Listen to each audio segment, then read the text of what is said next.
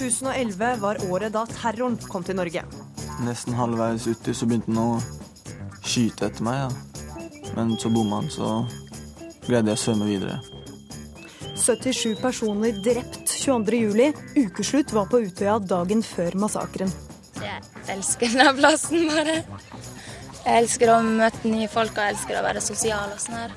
Så ja, derfor har jeg kommet hit. Det ble en eh, spesiell valgkamp, og mange møtte jula med gru. 2011 har vært et økonomisk kriseår for Europa. Vi har forlatt barna våre for å finne en jobb i Norge, sier spansk ektepar. Norge har det heller ikke fett. Jeg hadde aldri i min villeste fantasi trodd at vi skulle gå tom for smør, sier Arne Brimi. Du hører på Ukeslutts årskavalkade for 2011. Jeg heter Gry Veiby. Og jeg heter Ida Tune Øretsland. Vi skal minne deg på alt du har glemt, og alt du har fortrengt. Men det er noe ingen av oss noensinne vil glemme.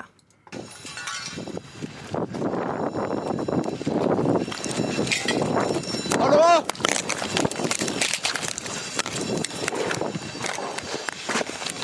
Hallo? Hallo? Er det noen som trenger hjelp? I løpet av få timer en fredag midt i fellesferien forandra Norge seg. En bilbombe eksploderer utenfor regjeringskvartalet.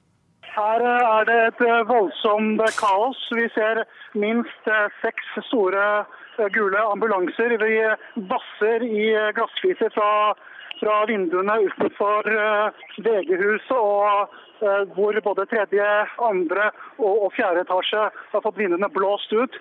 Det samme en hel rekke utenfor Finansdepartementet på andre siden av bygget. Som dere kanskje hører bak meg her, så er det også satt opp en, en buss som tar imot blødende og skadde personer som kommer ut fra, fra disse bygningene. Det er ingen her som kan fortelle helt nøyaktig hva det er som har skjedd. Men det var bare begynnelsen. Ukeslutt var på Utøya dagen før massakren. Jeg elsker denne plassen, bare. Jeg elsker å møte nye folk og jeg elsker å være sosial og sånn her. Så ja, derfor jeg har kommet hit. Dette er 16 år gamle Frida Nilsen fra AUF i Troms. Hun sitter på gresset ovenfor hovedscenen på Utøya sammen med venninna Julie Bremnes. Opptakene du nå hører, gjorde Ukeslutts reporter Eivind Våge torsdag 21.07. Bare ett døgn før massakren av unge AUF-ere på Utøya. Alle som medvirker i denne reportasjen, er blant de overlevende fra Utøya.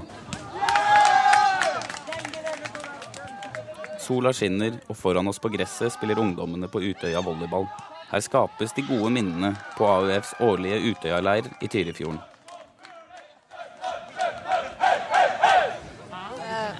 Altså, Utøya er jo Norges største sjekkeplass, så, sier de. ja, så det er sikkert mange som har fått seg Eller mange som har fått seg AUF-kjærester her, og AUF-flørter på Utøya.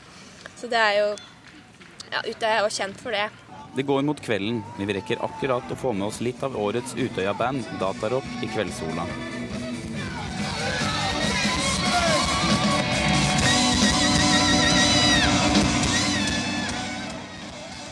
Alt er som det skal være på Utøya, torsdag 21.07.2011.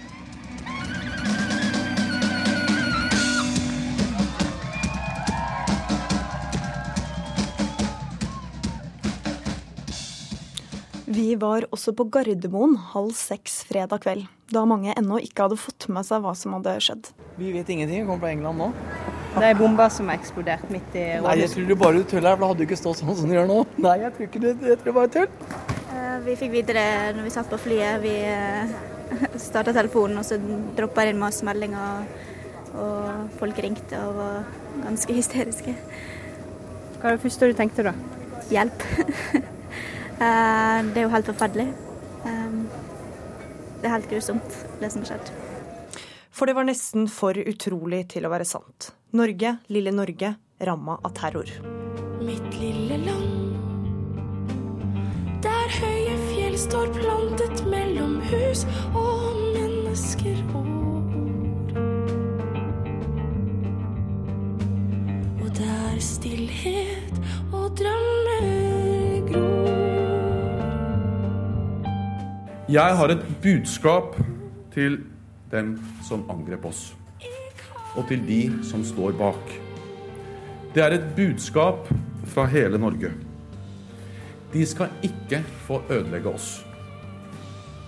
Dere skal ikke få ødelegge vårt demokrati og vårt engasjement for en bedre verden.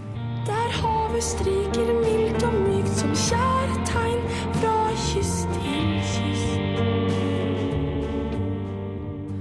Historiene fra Utøya var som tatt ut av en skrekkfilm. Det var i det hovedhuset der hvor storstua er, der hvor vi snakka sammen om bomba i Oslo. Amel Baltic og resten av deltakerne på Utøya har blitt kalt inn til et orienteringsmøte. 10-15 minutter tror jeg etter det så begynte det skyting og sånt. og Jeg så bare mange folk løp, så løp liksom mot meg. Da, så jeg liksom begynte å løpe mot en annen inngang. Og der var han mann, da. Amul tror det ikke først når han ser at mannen setter pistolen mot tinningen til en jente og trekker av. Han tror det må være en slags spøk. Mannen hadde jo på seg politiuniform. Men så faller jenta mot bakken, og bakken farges rød av alt blodet. Ja, og så skjøt han henne flere ganger, da. Så begynte de jeg sto med, å skrike og visste ikke hva de skulle gjøre. Og så begynte han å skyte mot oss, da. Og visste ikke helt hva jeg skulle gjøre. Bare prøvde å gjemme meg et sted, men der hvor jeg løp, så det var ikke så mange steder å gjemme seg. Det å operere kuler ut av uh, hodet på mennesker osv., det er ikke noe noen kan Noen som ikke driver med det, kan forestille seg, tror jeg. Nevrokirurg Vidar Stenseth var på vakt på Ullevål universitetssykehus forrige fredag. Han var en av de som først fikk se hvilke skader gjerningsmannen hadde påført sine ofre. For vi ser jo at det har vært en tendens til eh, skudd mot hodet. Eh, og eh,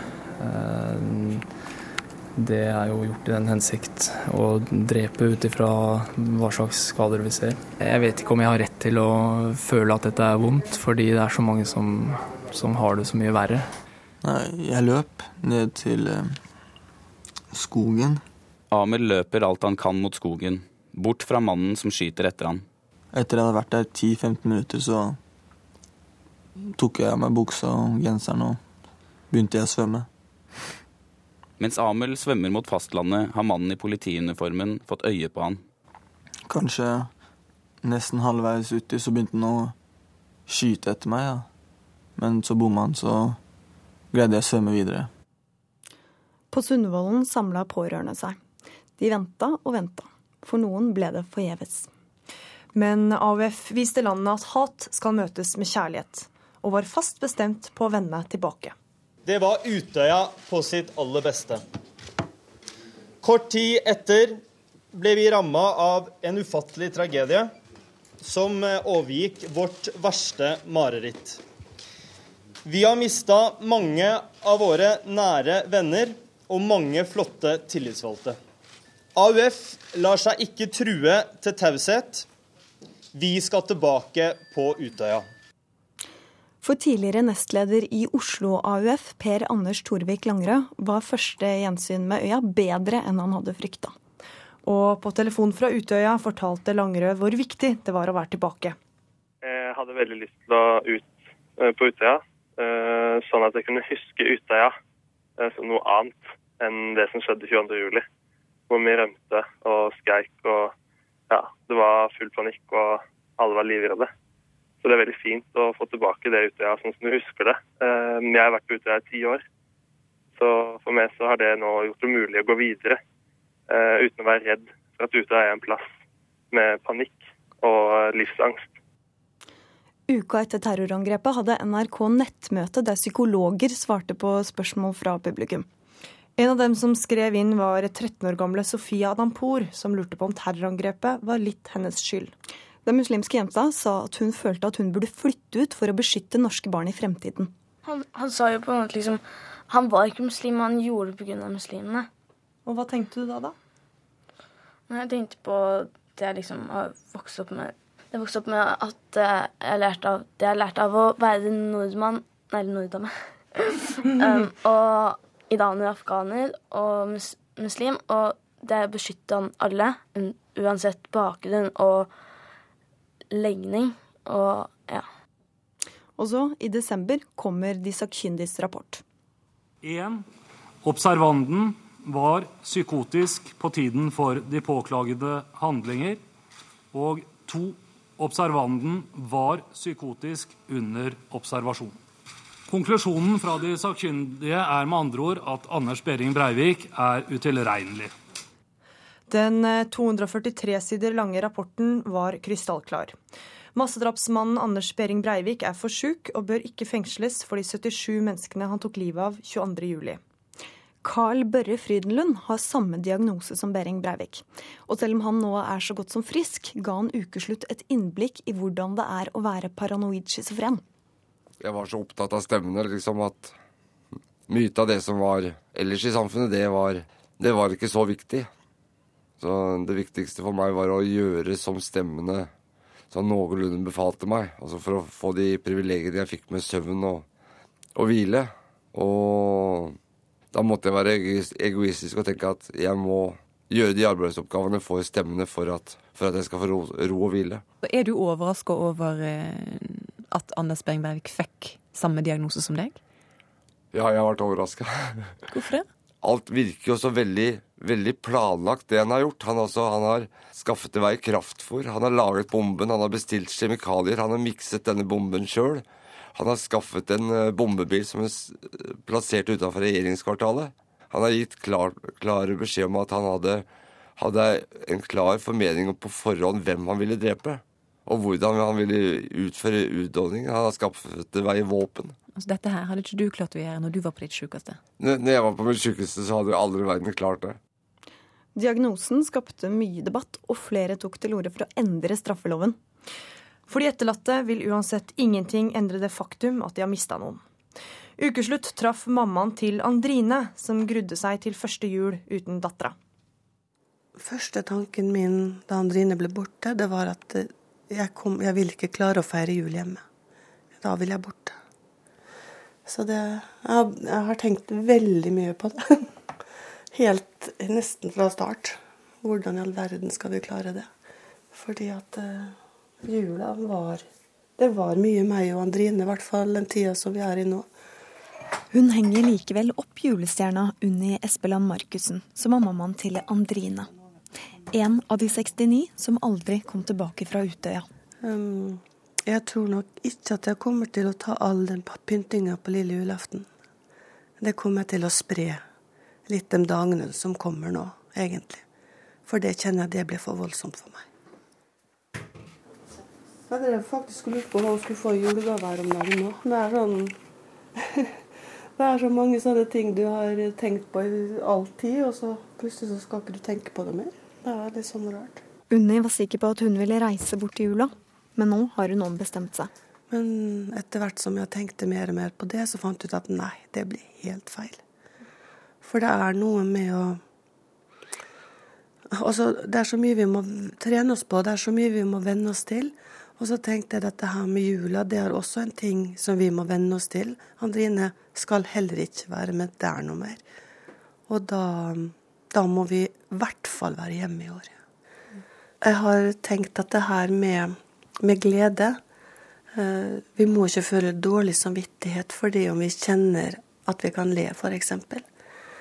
Eh, for Andrine hun var ikke noe jente som gikk rundt og, og stura. Hun lo hjertelig rett som det var. Og jeg, hun skal se at vi, at vi kan le, og at vi kan gråte, og at vi på en måte er dem vi var. Da Andrine hun skal kjenne igjen mammaen sin. Kommunevalget i 2011 ble annerledes. Ikke bare avtalte partiene å utsette valgkampen pga. terroren. Flere steder var også listekandidatene blant de drepte. Nesodden Arbeiderparti mista to av sine, og valgforberedelsene var spesielle. Johannes Dalen Giske har vært hos psykologen og på besøk hos en venn som ligger på sykehus. Nå skal han planlegge valgkamp. Det blir sikkert til å være gøy, men det kommer til å være veldig tungt allikevel. Et sted i Rosehavet lå det et bilde av Bano Rashid og Didrik Aamodt Olsen. Det var et utsnitt av et valgkampbilde som ble tatt sammen med Johannes. Jeg vet at uansett når jeg driver valgkamp, jeg så den nå, så driver jeg valgkamp. for en liste som mangler eh, to veldig viktige brikker. Veldig viktige mennesker. Eh, beslutningen om eh, Bano Didrik skal bli stående på lista, den er i realiteten tatt nå. Det viktigste er å snakke med familiene om hva de ønsker. Tor Henrik Andersen er leder av Nesodden Arbeiderparti. Han har innkalt til møte. På programmet hvordan drive valgkamp når to av de som står på lista, er borte. Jeg tror også det, er det, det mest verdige er at de blir stående der. og at, at eh, altså For de er en del av det laget som skulle vinne valget på Nesodden. Når, når valgnatta kommer, uavhengig av resultat, så kommer jeg til å tenke på dem. Mm. Mer enn noe annet. Um, for vi skulle, vi skulle ta, være ungdommens talerør inn i politikken sammen. Det skulle bli en snillere valgkamp. Ja, de harde frontene skulle nedtones. Men allerede den første uka av valgkampen ga flere politikere oss hakeslepp. Men vi skal alle tenke gjennom uh, hvordan vi kan lære noe av tragedien. Uh, formulere oss med mer varsomhet og forsiktighet, og ikke uh, hoppe til konklusjoner før vi har større visshet. Alle muslimer er selvsagt ikke terrorister, men det er dessverre et faktum at eh, nesten alle terrorister er muslimer. Så har jeg stilt spørsmålstegn ved om det er riktig at man et år frem i tid skal bruke 100 politifolk til å etterforske en sak som er oppklart. Med turnébussen Valgtriller skulle SV skape blest om seg sjøl. I stedet hissa de på seg miljøbevegelsen. Det er en skikkelig rocketurnébuss. sa partileder Kristin Halvorsen da hun lanserte bussen og SVs Plan B på søndag. Og Snorre Valen har informasjon som kan bekrefte det. Den har vært brukt av Cumshot, bandet til Kristoffer Schou.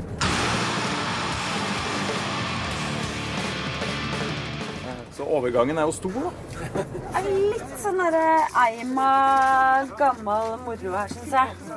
Da kjører vi. Bussen som VG omtaler som SVs miljøsvin, fordi den ifølge avisa slipper ut like mye nitrogenoksid som nesten 170 nye biler. Hvordan har den saken påvirka stemninga i gruppa? Ingenting. Når bussen kommer, så ser du folk bare lyser opp, og det er den berømte bussen som kommer til oss. Det er kjempehyggelig. Men hvis du var journalist, tror du du ville tenkt at det var en litt, litt eh, juicy story at eh, SV valgte en litt gammel buss? I hvert fall leide en gammel buss. Det er kanskje mer juicy egentlig at eh, lederen for Venstre flyr rundt i helikopter. En annen som klarte å opprøre miljøbevegelsen, var olje- og energiminister Ola Borten Moe. Og det kom han i klammeri med både sin egen og SVs partileder for. Og for ikke å snakke om Fredrik Hauge i Bellona. Han er fullstendig inkompetent i jobben. Det er et politisk problem for regjeringen. Det. Men det han har gjort nå, på vegne av regjeringen, i flere foredrag den siste uken, det er å spre løgner, Jeg kan det. og kaste drit, Jeg kan leve med det. og erklære krig.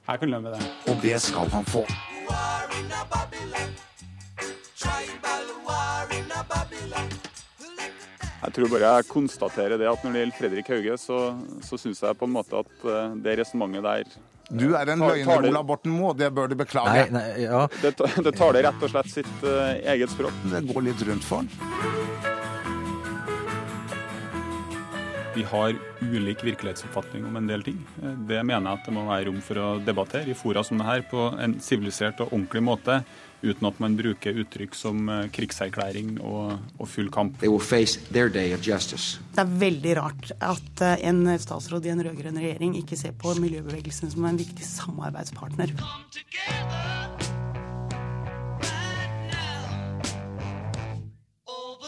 Han er fersk, han får lov å prøve seg litt, men vi skal ha et godt forhold til miljøbevegelsen og samarbeide tett med dem. Jeg er enig med Kristin Halvorsen. Nå var med litt- litt fersk? Altså det, det, så det må jo Kristin Halvorsen altså gjerne mene. stoler på Nora Nordmann i dag som det hele går. En vakker dag, ja, en vakker dag. Jeg tror seieren er vår. I Oslo var det lenge ordførerstrid mellom veteranene Carl I. Hagen, Rune Gerhardsen og Fabian Stang. Helt til Hagen kasta inn håndkleet. Og hvor ble det egentlig av Rune G? Alle ville visst ha Fabian Stang. Rune Geir og jeg har kjempet mot hverandre i 20-25 år. Vi har forskjellig bakgrunn. Eh, du kommer fra vest, og jeg fra øst. Og, og, og du ser kanskje en del ting annerledes enn jeg gjør. Ikke la oss lage et skille. Det virker som dere i Arbeiderpartiet er mer opptatt av å ha dette skillet enn å, enn å bli kvitt det. Når vi beveger oss i byen, det er store forskjeller. Eh, det finnes nesten ikke kommunale boliger på, på vestkanten. Jo, jo, jo, det finnes nesten du, ikke Du holder på med dette samme hele tiden. Eh, Du kommer fra vest, og jeg fra øst. Jeg liker det ikke, men jeg konstaterer jo at oppslutningen om mitt kandidatur er meget lav. Men jeg er, har ikke trukket meg, jeg er fortsatt vår ordførerkandidat. Kan du ikke diskutere med meg, da? Ja, men du, har- du har nesten ikke vært på banen.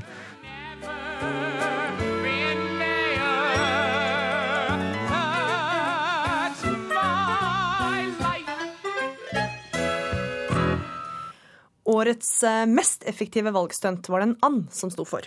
Ser under treet der, ser jeg. Der er med de åtte andungene. De var da i verandakassen. Det er veldig stort, altså. Jeg tror ikke folk skjønner hvor stort det er å oppleve. Ja, dette, Men det er veldig moro. Noen måneder før valget ble Anna til Jens mor.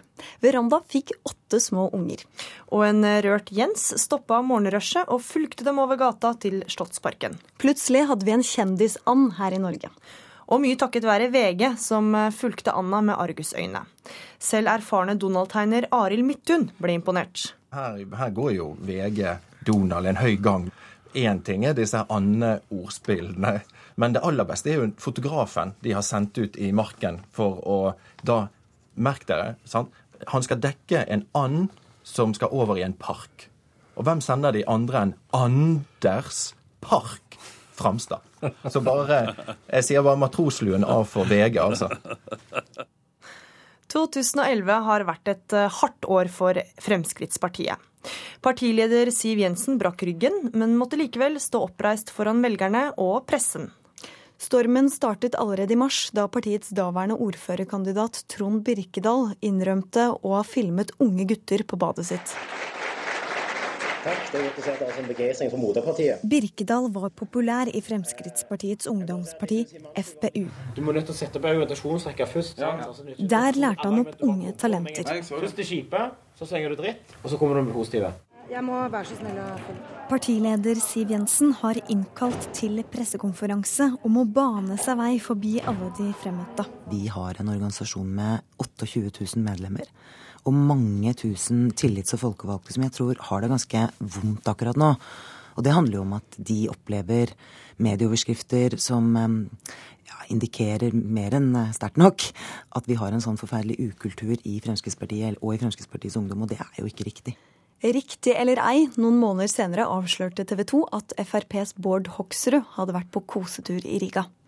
Men det var ikke alle som mente at det var feil av Hoksrud å bryte norsk lov, blant andre Rune Rudberg og Martin Skanke. Ja, nå er alle folk fått se Ikke bare de tusen og en Nå har jeg kasta mitt fikenblad Og det er kanskje like bra Hei, det er Rune Rudberg. Kan lokke frem det norske smil Nei, jeg syns synd på fyren. Ja. Jeg har vel ikke akkurat blitt tatt på den måten der noen gang eh, i en sånn situasjon, jeg. Men jeg har vel vært i situasjoner hvor jeg føler at eh, liksom hele Norge plutselig har fått vite om ting som, som jeg føler har vært en privatsak. Så eh, jeg vet akkurat hvor, hvor stusslig han har det om dagen nå. Det er vel det han sagt, hva han, hva han finner på å gjøre. Men han har brutt norsk lov, da? Skjønner dette. I mitt personlige syn ser jeg ingen grunn til at han skulle slutte. Jeg synes selvfølgelig synd på hans kone og, og eventuelle barn, som nå må bade ut dette her. Men, men eh, ellers eh, blir du ikke mindre intelligent om du har vært på, på massasjestudio eller hvordan du har vært henne. Det er jo én vei bare herfra, og det er oppover. Så det er liksom når det går over, alt går over. Ja, nå har alle folk fått se Ikke bare de tusen og en Frp-farsen fortsatte. Carl I. Hagen ble vraka av sine egne i kampen om partiets plass i Nobelkomiteen. Etter nederlaget gikk han sporenstreks og ryddet kontoret og sa fra seg jobben som eldregeneral i partiet. Jeg hadde en drøm da jeg gikk inn i valgkampen i år. Jeg er uønsket, for det er trist. Vi har grått. Vi, vi gråter. Men eh, Vi går videre. Vi syns det er en trist dag, men vi må ta det til etterretning. Jeg har ikke fjernet Carl I. Hagen fra noe som helst. Jeg har snarere tvert imot lagt forholdene godt til rette for at han kan være aktiv og bidra med sin erfaring. Jeg har da i ettertid tolket dette at partiledelsen ønsket øh, og unnet meg ikke dette verv. Jeg fikk ikke noen henvendelser.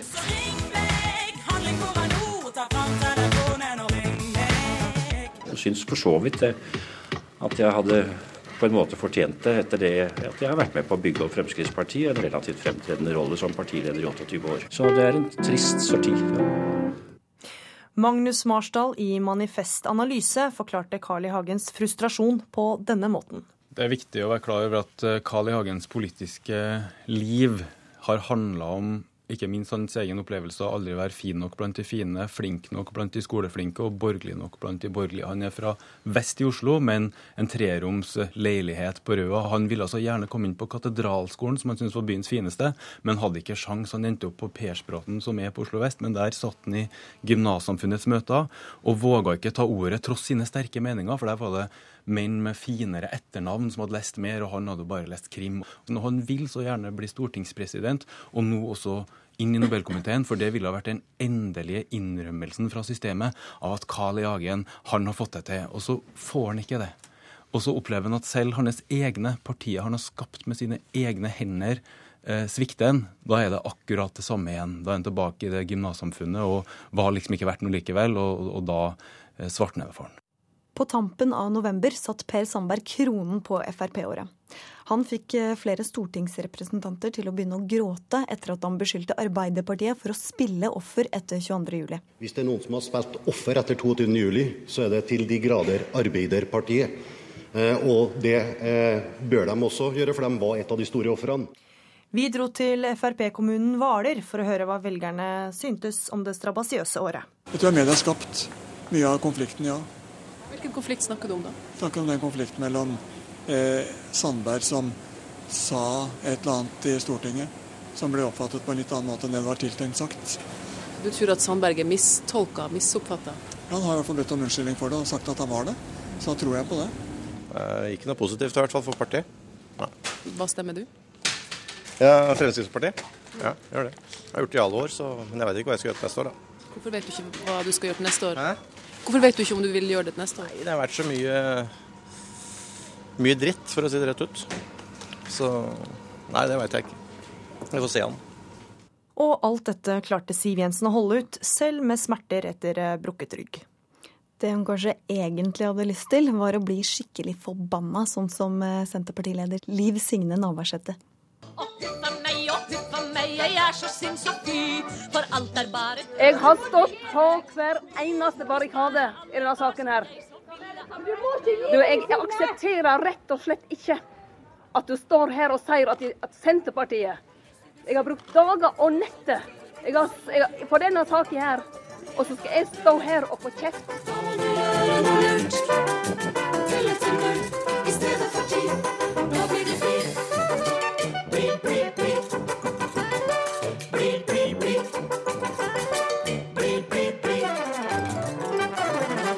Det var en annen sinnatagg som eh, satte pris på utbruddet til Navarsete, nemlig kokken Eivind Hellstrøm.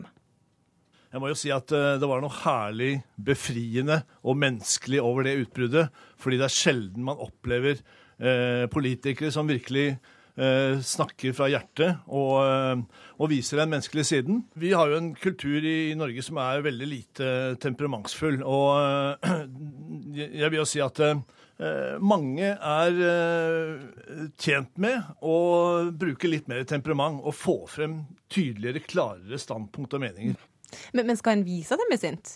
Nå var det Navarsete som ga uttrykk for eh, en Eller var en følelsesmessig reaksjon. Jeg må si at jeg har aldri stemt Senterpartiet før, men nå skal jeg faktisk vurdere om jeg skal gjøre det. Du hører på Ukeslutts årskavalkade i NRK P1 og P2. 2011 var året da Maria Amelie entra manesjen. Med livet som innsats kunne enhver norsk småbåteier komme på TV. Nærmere tre millioner fulgte direktesendinga av Hurtigrutens ferd.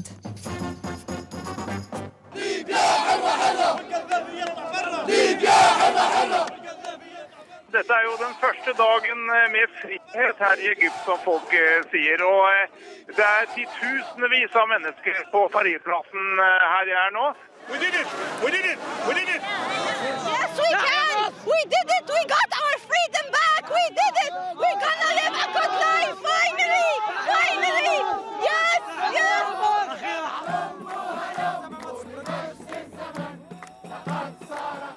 Det er dobbelt, dobbelt sånn. Det er dobbelt, ikke sant. Ikke bare at vi har vunnet her, men vi har også vunnet i Egypt. Og det skal forandre liksom hele historien, ikke sant. Det har startet her. Den arabiske våren har prega året som har gått. Majid al-Burki var en av dem som hatet Muhammad Gaddafi. Han ble torturert i fengsel under hans regime i fire år. Majid fortalte oss hvordan han så på den libyske diktatoren. Han er syk i hodet. Hvis du ser måten han prater, måten han går, måten han kler seg Jeg tror ikke han er frisk i hodet. Du opplevde galskapen eh, hans når du ble arrestert og satt i fengsel, Gaddafi sitt fengsel. Ja. Hva opplevde du i fengselet? Han behandlet oss drit under fengsel. Mange har blitt drept inne. Mange har blitt skadet inne. Vi er sultne. Mange har blitt voldtatt fra sikkerhetspolitiet. Til slutt så klarte du å rømme fra fengselet, og du klarte å flykte til Norge. Hva gjør du dersom Gaddafi sine folk kommer etter deg igjen? Gaddafi han, han har spioner overalt i verden.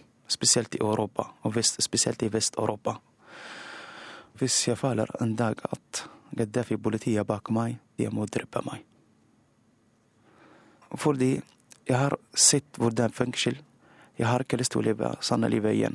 Den dag når Gaddafi han, Vi ser ikke han på TV, eller vi er ferdig med han 100% ny Libya. Det blir en ny tid i Libya. Ja. Gaddafi ble funnet av opprørerne etter to måneder i skjul og drept kort tid etter. Journalist Pål Refsdal var i Libya i mars i år for å lage dokumentar om Gaddafi og familien hans. Begge parter i denne krigen har jo henrettet krigsfanger, så at eh, diktatoren eh, som har regjert Libya i 42 år, blir tatt av dage, det, det er egentlig som forventet. Altså, jeg er sikker på at opprørernes politiske ledelse ville sikkert hatt han i live og eh, tatt, tatt, trukket ham frem for retten, men eh, fristelsen for de soldatene som tok han, den ble nok for stor. Du kaller familien for Midtøstens svar på rockestjerna Ossi Osborns familie. Hvorfor det? Ja, altså, Gaddafi-familien har jo vært eh, jeg skal si, eh, virkelig en sånn dysfunksjonell familie eh, som du bare finner blant uh, diktatorfamilier. altså Med intriger, maktkamper, uh, personlig, altså forskjellige personligheter. Uh, folk som har blitt advokater, og andre som har blitt rabiate playboyer. så det hadde vært artig om det en gang hadde blitt laget en, en realityshow på den familien, men det er nok litt sent nå. Litt for seint. Altså, hva fikk du høre om, hva sa folk på gata om Gaddafi da du var der? Ja, altså Jeg var jo der når de hadde kontroll, altså Mm. Gaddafi-familien hadde kontroll. Så det var jo, det var jo de, de jeg så i gaten, de som hilste, det var jo pro Gaddafi-tilhengere. Mm. Og nå går jeg ut fra at det er omvendt, at jeg si, de, de, de som er ute i gaten er eh, anti-Gaddafi og glad for at han er død, og de som var pro Gaddafi, de holder seg nok hjemme og låser døra. Men eh, det var ikke bare i Libya det ble endringer. I Egypt kjempet de for at eh, Hosni Mubarak skulle gå av. Mubarak holdt på makten til det siste. Det fikk også norske journalister merke. Skyting og bråk. Ja, slik hørtes det ut fra hotellrommet mitt i flere dager. For da Mubarak-tilhengerne veltet ut i gatene, snudde stemningen dramatisk i Kairo. De var aggressive og ville oss ikke godt. Fra balkongen min i tolvte etasje så jeg til min forskrekkelse en gjeng på ti-tolv stykker rive og dra i TV 2s team. Reporter Kadafi Saman og fotograf Åge Aune forsøkte å kjempe imot, men var omringet av pøbel som ranet dem. Det er veldig ubehagelig, fordi du veit ikke hva som vil skje. Jeg klarte å holde fast på kamera. Det var det eneste jeg klarte å holde fast i. Eh, masse ting som forsvant fra kamera også underveis. De bare tok tak i håndleddet mitt, og så vips, var klokka borte. Altså jeg mener jo at De angrepene mot journalistene må ha vært styrt av noen. Og Jeg merka i hvert fall at kanskje et par av de som holdt i armene og holdt måten de holdt oss på, det var veldig, litt sånn, virka veldig proffe grep. I år fikk tre damer pris for sin jobb for fred og demokratisering. The Norwegian Nobel Committee has decided that the Nobel Peace Prize for 2011 is to be divided in three equal parts between Ellen Johnson Sirleaf, Leima Bowie and Tavakul Karman. For Nobelkomiteen var det julaften og 17. mai på en gang da de endelig kunne fortelle resten av verden hvem som skulle få årets fredspris. Ukeslutt prøvde å lokke navnene på fredsprisvinnerne ut av Torbjørn Jagland før alle andre. Jeg kjenner at jeg er veldig spent på å høre hemmeligheten din. Er du spent på å Det er jo egentlig ikke noe hemmelighet. Er det er jo ingen som vet det. Nei, det er sant. Oh, I've got a secret.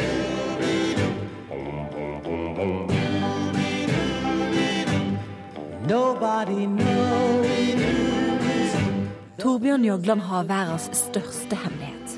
Eller han hadde i alle fall det til han fortalte det til alle klokka 11 i går.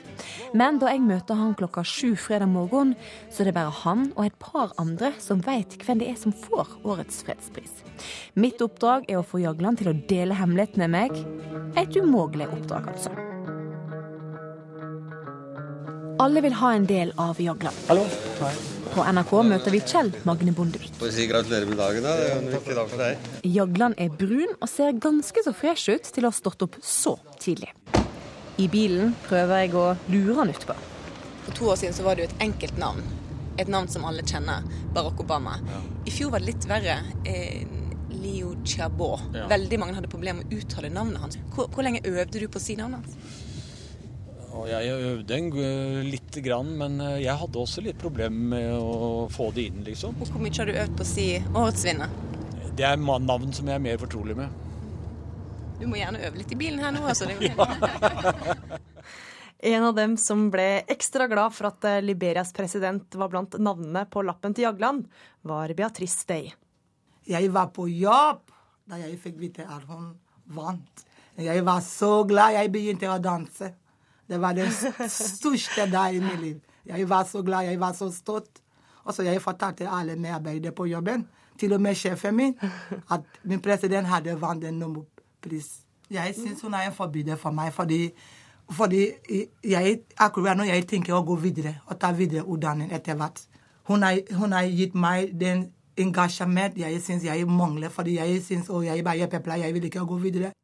Det var også stor stas på selve dagen, også for de minste. When I am down and oh my soul so weary Vi er utrolig inspirert av disse fredsprisvinnerne, alt de har gjort. Og vi syns at eh, alle burde bli inspirert av dem. For eh, og det, de har risikert utrolig mye. Når de har, eh, altså de har risikert å komme i fengsel og sitt eget liv.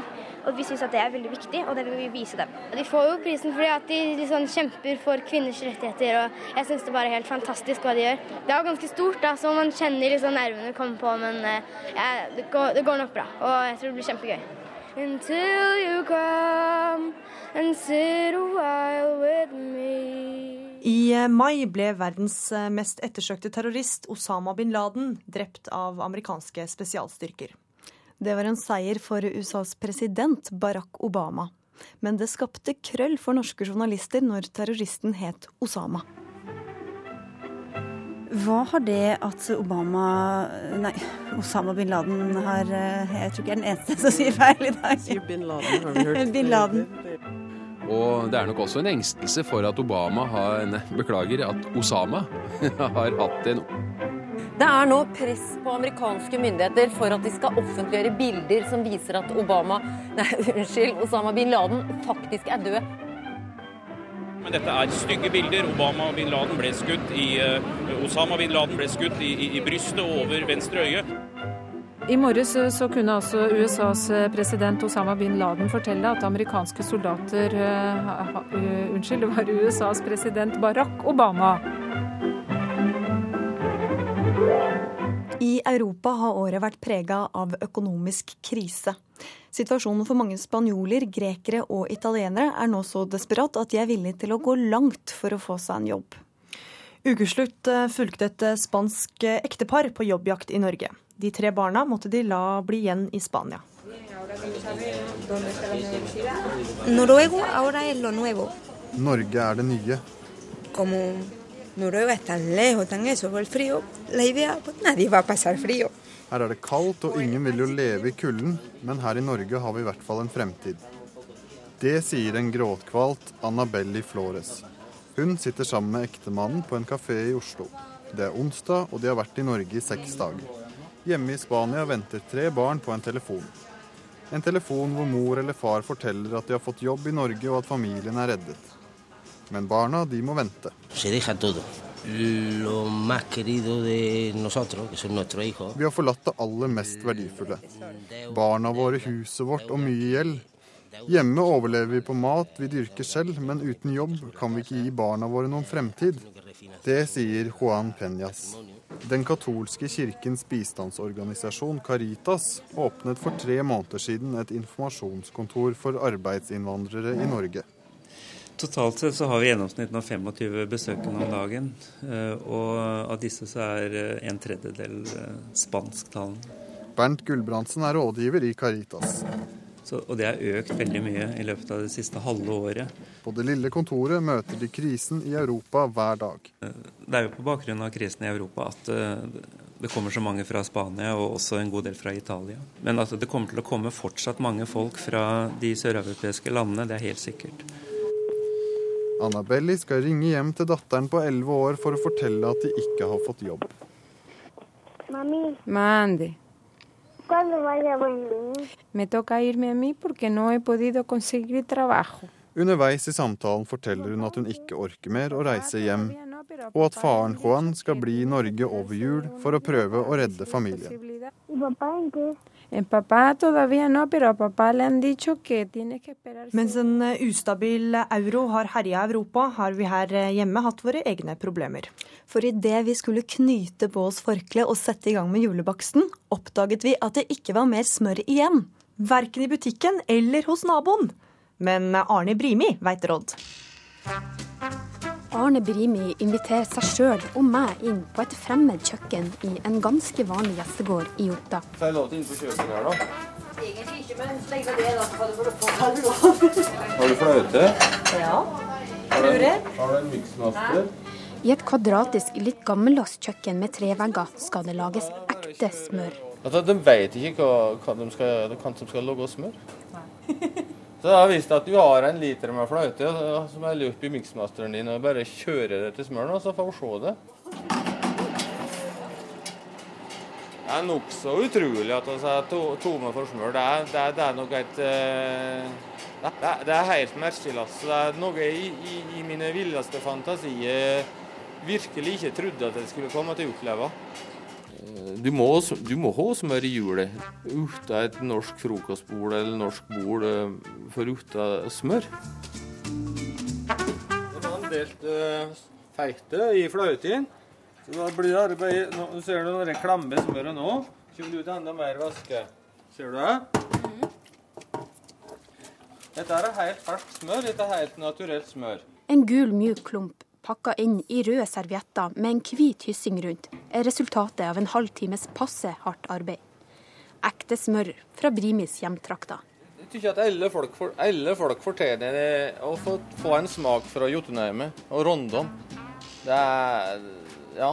Selv om jeg bruker margarin i eh, baksten av og til. Bruker du margarin? Ikke nå lenger. Nei. Nettopp.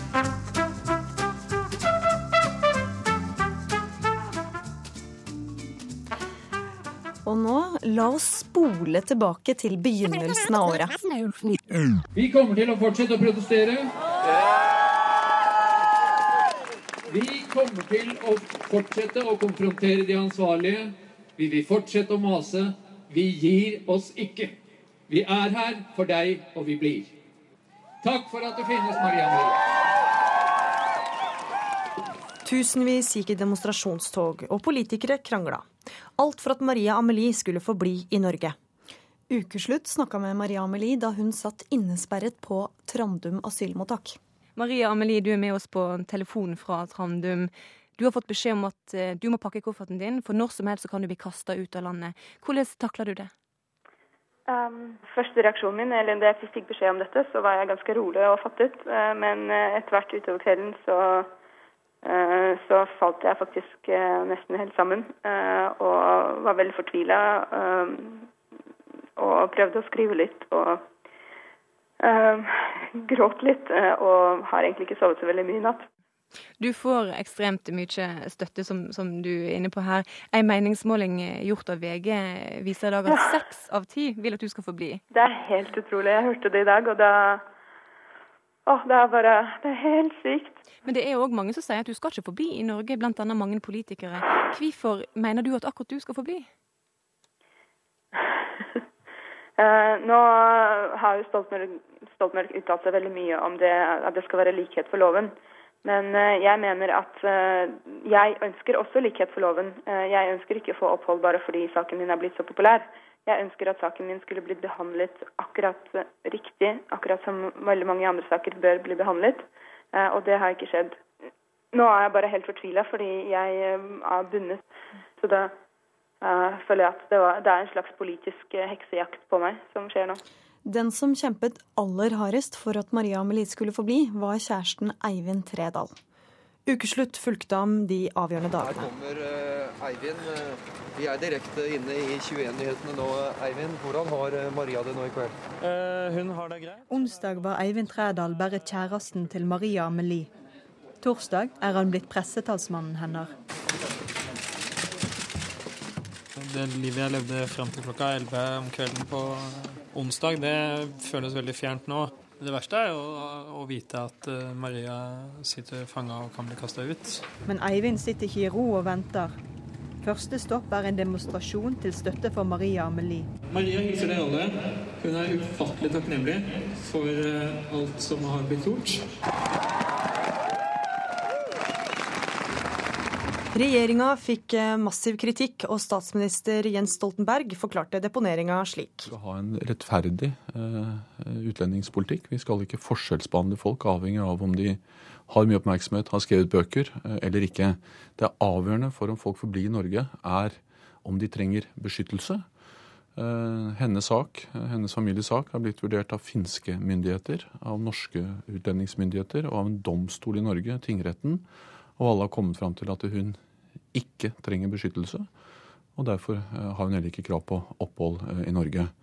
Det er tøft, og det skjønner jeg at mange mennesker reagerer på. Men som statsminister i Norge så er jeg nødt til å tenke også på de tusener av andre vi har sendt ut eh, og kommer til å sende ut i år, med akkurat samme begrunnelse. De aller fleste sendes ut av landet i stillhet uten at noen protesterer.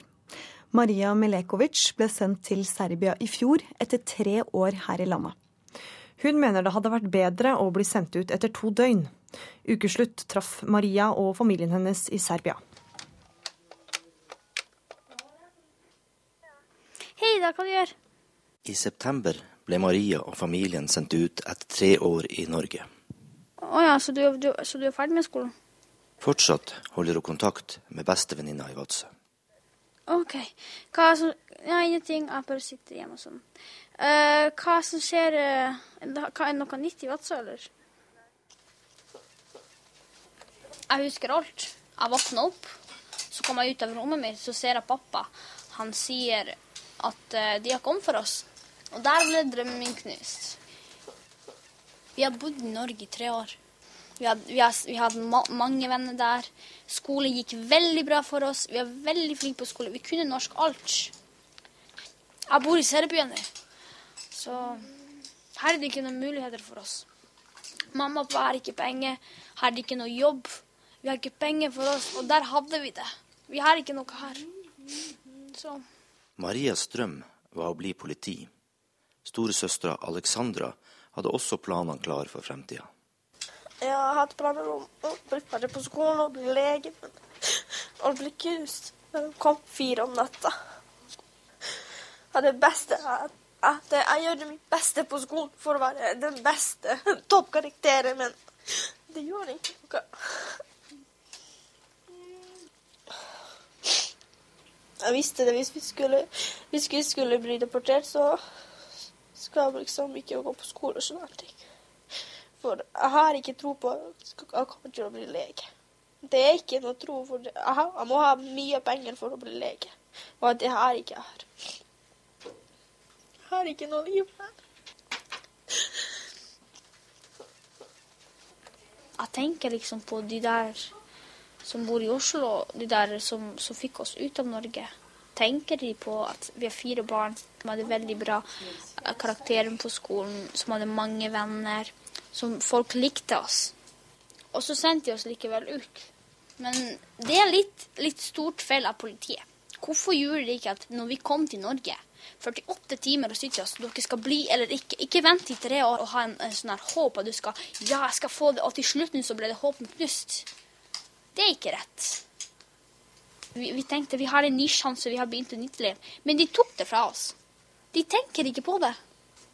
De er politikere, man kan ikke si noe til dem. Så det er stort feil de gjør. Så skal vi til sportens verden. Norges skifavoritt ble beskyldt for å være uhøflig. Suser av gårde! Han leker seg! Han smeller fra! Markus Helder! Han prøver å få publikum til å være stille. Se på showmannen Northug! Han er helt suveren! Han får til det alle ønsket at han skulle få til! Å vinne stafetten under VM på hjemmebane i Holmenkollen! Han passerer målstreken på merkelig vis! Han hadde full kontroll! Northug hysja på publikum og gikk sidelengs inn mål da Norge tok nok et gull. Svenskene mente Norges skihopp hadde blitt litt for kjepphøy. Mest ståhei skapte allikevel Aslak Sira Myhre etter at han sa følgende på svensk TV. Målet for Northug er å ikke trekke, ikke bruke krefter. De andre skal jobbe, og så skal han spurte til slutt. Han er en snylter. For deretter å legge seg rimelig flat her i ukeslutt. Nei, jeg har ikke så mye mot Petter Northug, jeg har skamma meg litt over det der.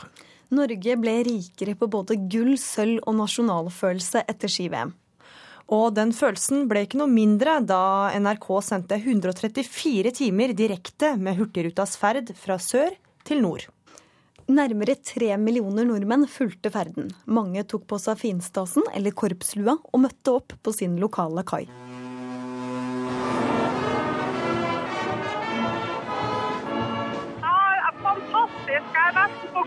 Det er så mye folk og så mye liv og så mye båter og så mye fly og forsvar og flagg. Dette er noe som samler folk. Folk setter ord og følelser og deler med veldig mange andre. Om de er 30 år eller 70 år, alle er like begeistra. Alle snakker om det. Det har denne reisa virkelig vist hva Hurtigruta betyr. Som kulturbærer, som distriktsformidler. Hvordan Hurtigruta binder kysten sammen. Men det var selvfølgelig én som ikke var like begeistra.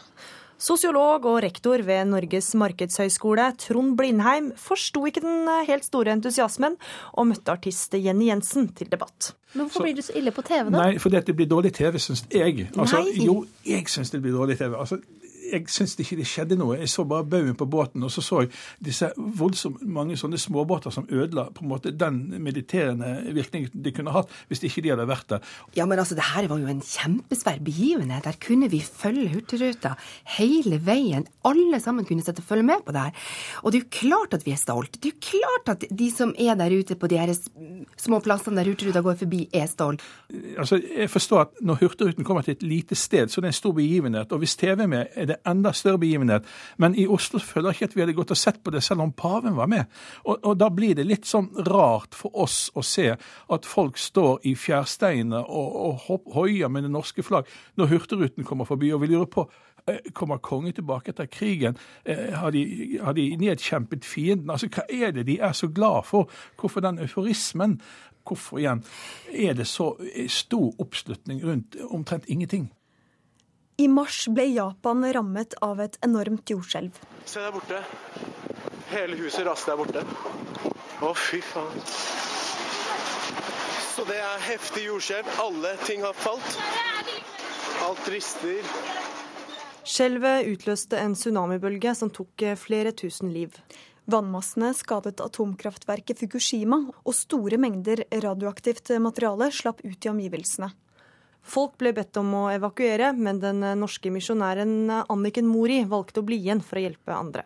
Jeg kommer ikke til å reise. Eh, Jeg har eh, ansvar for mennesker her. Vi har mange kjente, og vi føler at dette er vår plass. Og vi ønsker jo da å og etter hvert kunne kanskje bidra med å, å, å, å gi sengeplass til folk som eh, har mistet sine hjem. Ja, hvor stort er behovet for hjelp?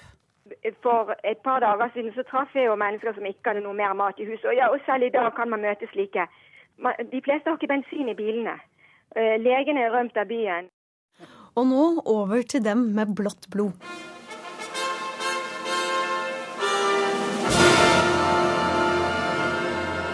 Skandaler, glamour og kjærlighet. De europeiske kongehusene har eh, opplevd alt sammen i løpet av 2011. La oss begynne med kjærligheten. I april var det storstilt bryllup da prins William fikk sin Catherine. Catherine Elizabeth, wilt thou have this man to thy wedded husband, to live together according to God's law in the holiest state of matrimony? I think people live from you know, day to day, and that can get a bit tedious. Where this is a bit of a fairy tale, cheers people up. It's like going to see a good movie. Well, she's she's um, a really good role model because she like I mean, there's like been no bad stories about her so far, and she she's a very good, down to earth person, and yeah, very nice teeth. Yeah, she does have nice teeth, but I've got braces, so I've got good teeth in the making. De nygifte kommer ut på balkongen på Buckingham Palace. She looks absolutely lovely. Exquisite is the word I would say. Leslie Brown får et glimt av det hun har ventet på. It's long sleeved and it's V-necked and it's laced at the top. Very similar to what I wore. Amazing. The Brits do it so well. So well. Men det var ikke bare glede i 2011. Svenskekongen fikk et lite anfall av akutt forglemmelse da han ble konfrontert med sin forkjærlighet for lettkledde damer. Har kongen noensinne vært på en sånn klubb? Hvilken type klubb da? Tom? Stripp- eller sexklubb? Nei Nei Jeg tror faktisk ikke. Nei. Når ni tenker tilbake, fins det en mulighet at det skulle kunne finnes kompromitterende bilder på dere? Nei, det kan jeg faktisk ikke gjøre. Og de her oppgiftene som finnes om eh, private tilstelninger der det forekommet lettkledde damer, det stemmer altså ikke heller? Nei, ikke hva jeg påminner meg. Nei. Her hjemme oppførte kongefamilien seg kjedsommelig korrekt. Den eneste skandalen var det statsministeren som sto for. Han stjal nemlig rampelyset til kongen da han tok kongens plass under utdeling av Krigskorset på frigjøringsdagen. Det førte til at statsministeren fikk en strøm av spørsmål. Og etterpå fikk han kritikk fordi han ikke klarte å svare. Stoltenberg, forventer du å få kjeft i spørretimen nå? President, jeg får bare gjenta spørsmålet, for det oppfatter jeg at statsministeren ikke vil svare på. Det svaret gjør den nei på det. Den dagen Men Du trenger ikke si hva han har sagt til deg, men tror du at han hadde hatt Det har vært mange spørsmål å svare på for statsminister Jens Stoltenberg denne uka. Men hvorfor i alle dager svarer han ikke på det han blir spurt om? Mitt navn er Hans Ivar Kristiansen. Jeg er forlegger, forfatter og retoriker. Og jobber med språk og språkanvendelse på heltid. Det, det, det skulle jo egentlig vært en ikke-sak, men den er jo blitt, blitt håndtert så dårlig at det til og med har blitt en sak for opposisjon på Stortinget. Og det er jo ikke nødvendig. Ser du da at du kanskje har brukt litt dårlig skjønn i denne saken? Det jeg ser, er at eh, vi skal gjøre disse ordningene Det jeg ser, sier statsministeren på ja-nei-spørsmålet fra Ingvild Bryn. Forstår statsministeren at han har satt kongen i en umulig situasjon? Og Siv Jensen, da, som aldri fikk svar. Og mitt spørsmål til statsministeren president, er derfor veldig enkelt. Hvorfor ba ikke statsministeren kongen om å være til stede? Statsminister Jens Stoltenberg. President, Først vil jeg berømme representanten Jensen for at hun har fått på plass mange nye ordninger Kom igjen nå, som er hedrer i uttrykk for støtte til norske soldater. Og jeg vil gjerne ha svar president, på mine spørsmål. Men har ikke statsministeren kloke rådgivere som vet å håndtere vanskelige situasjoner som dette? Jeg tror de faktisk øver statsministeren og statsrådene i å gjenta som papegøyer. De øver dem ikke i å tenke rasjonelt og strategisk og hva som kan skje i enhver anledning. For hadde de gjort det, så tror jeg dette ville ha blitt håndtert annerledes. Et år med ukeslutt er over. Ida Tune Øritsland, Hanne Lunås og Gry Veiby takker for seg. Ha et riktig godt nytt år.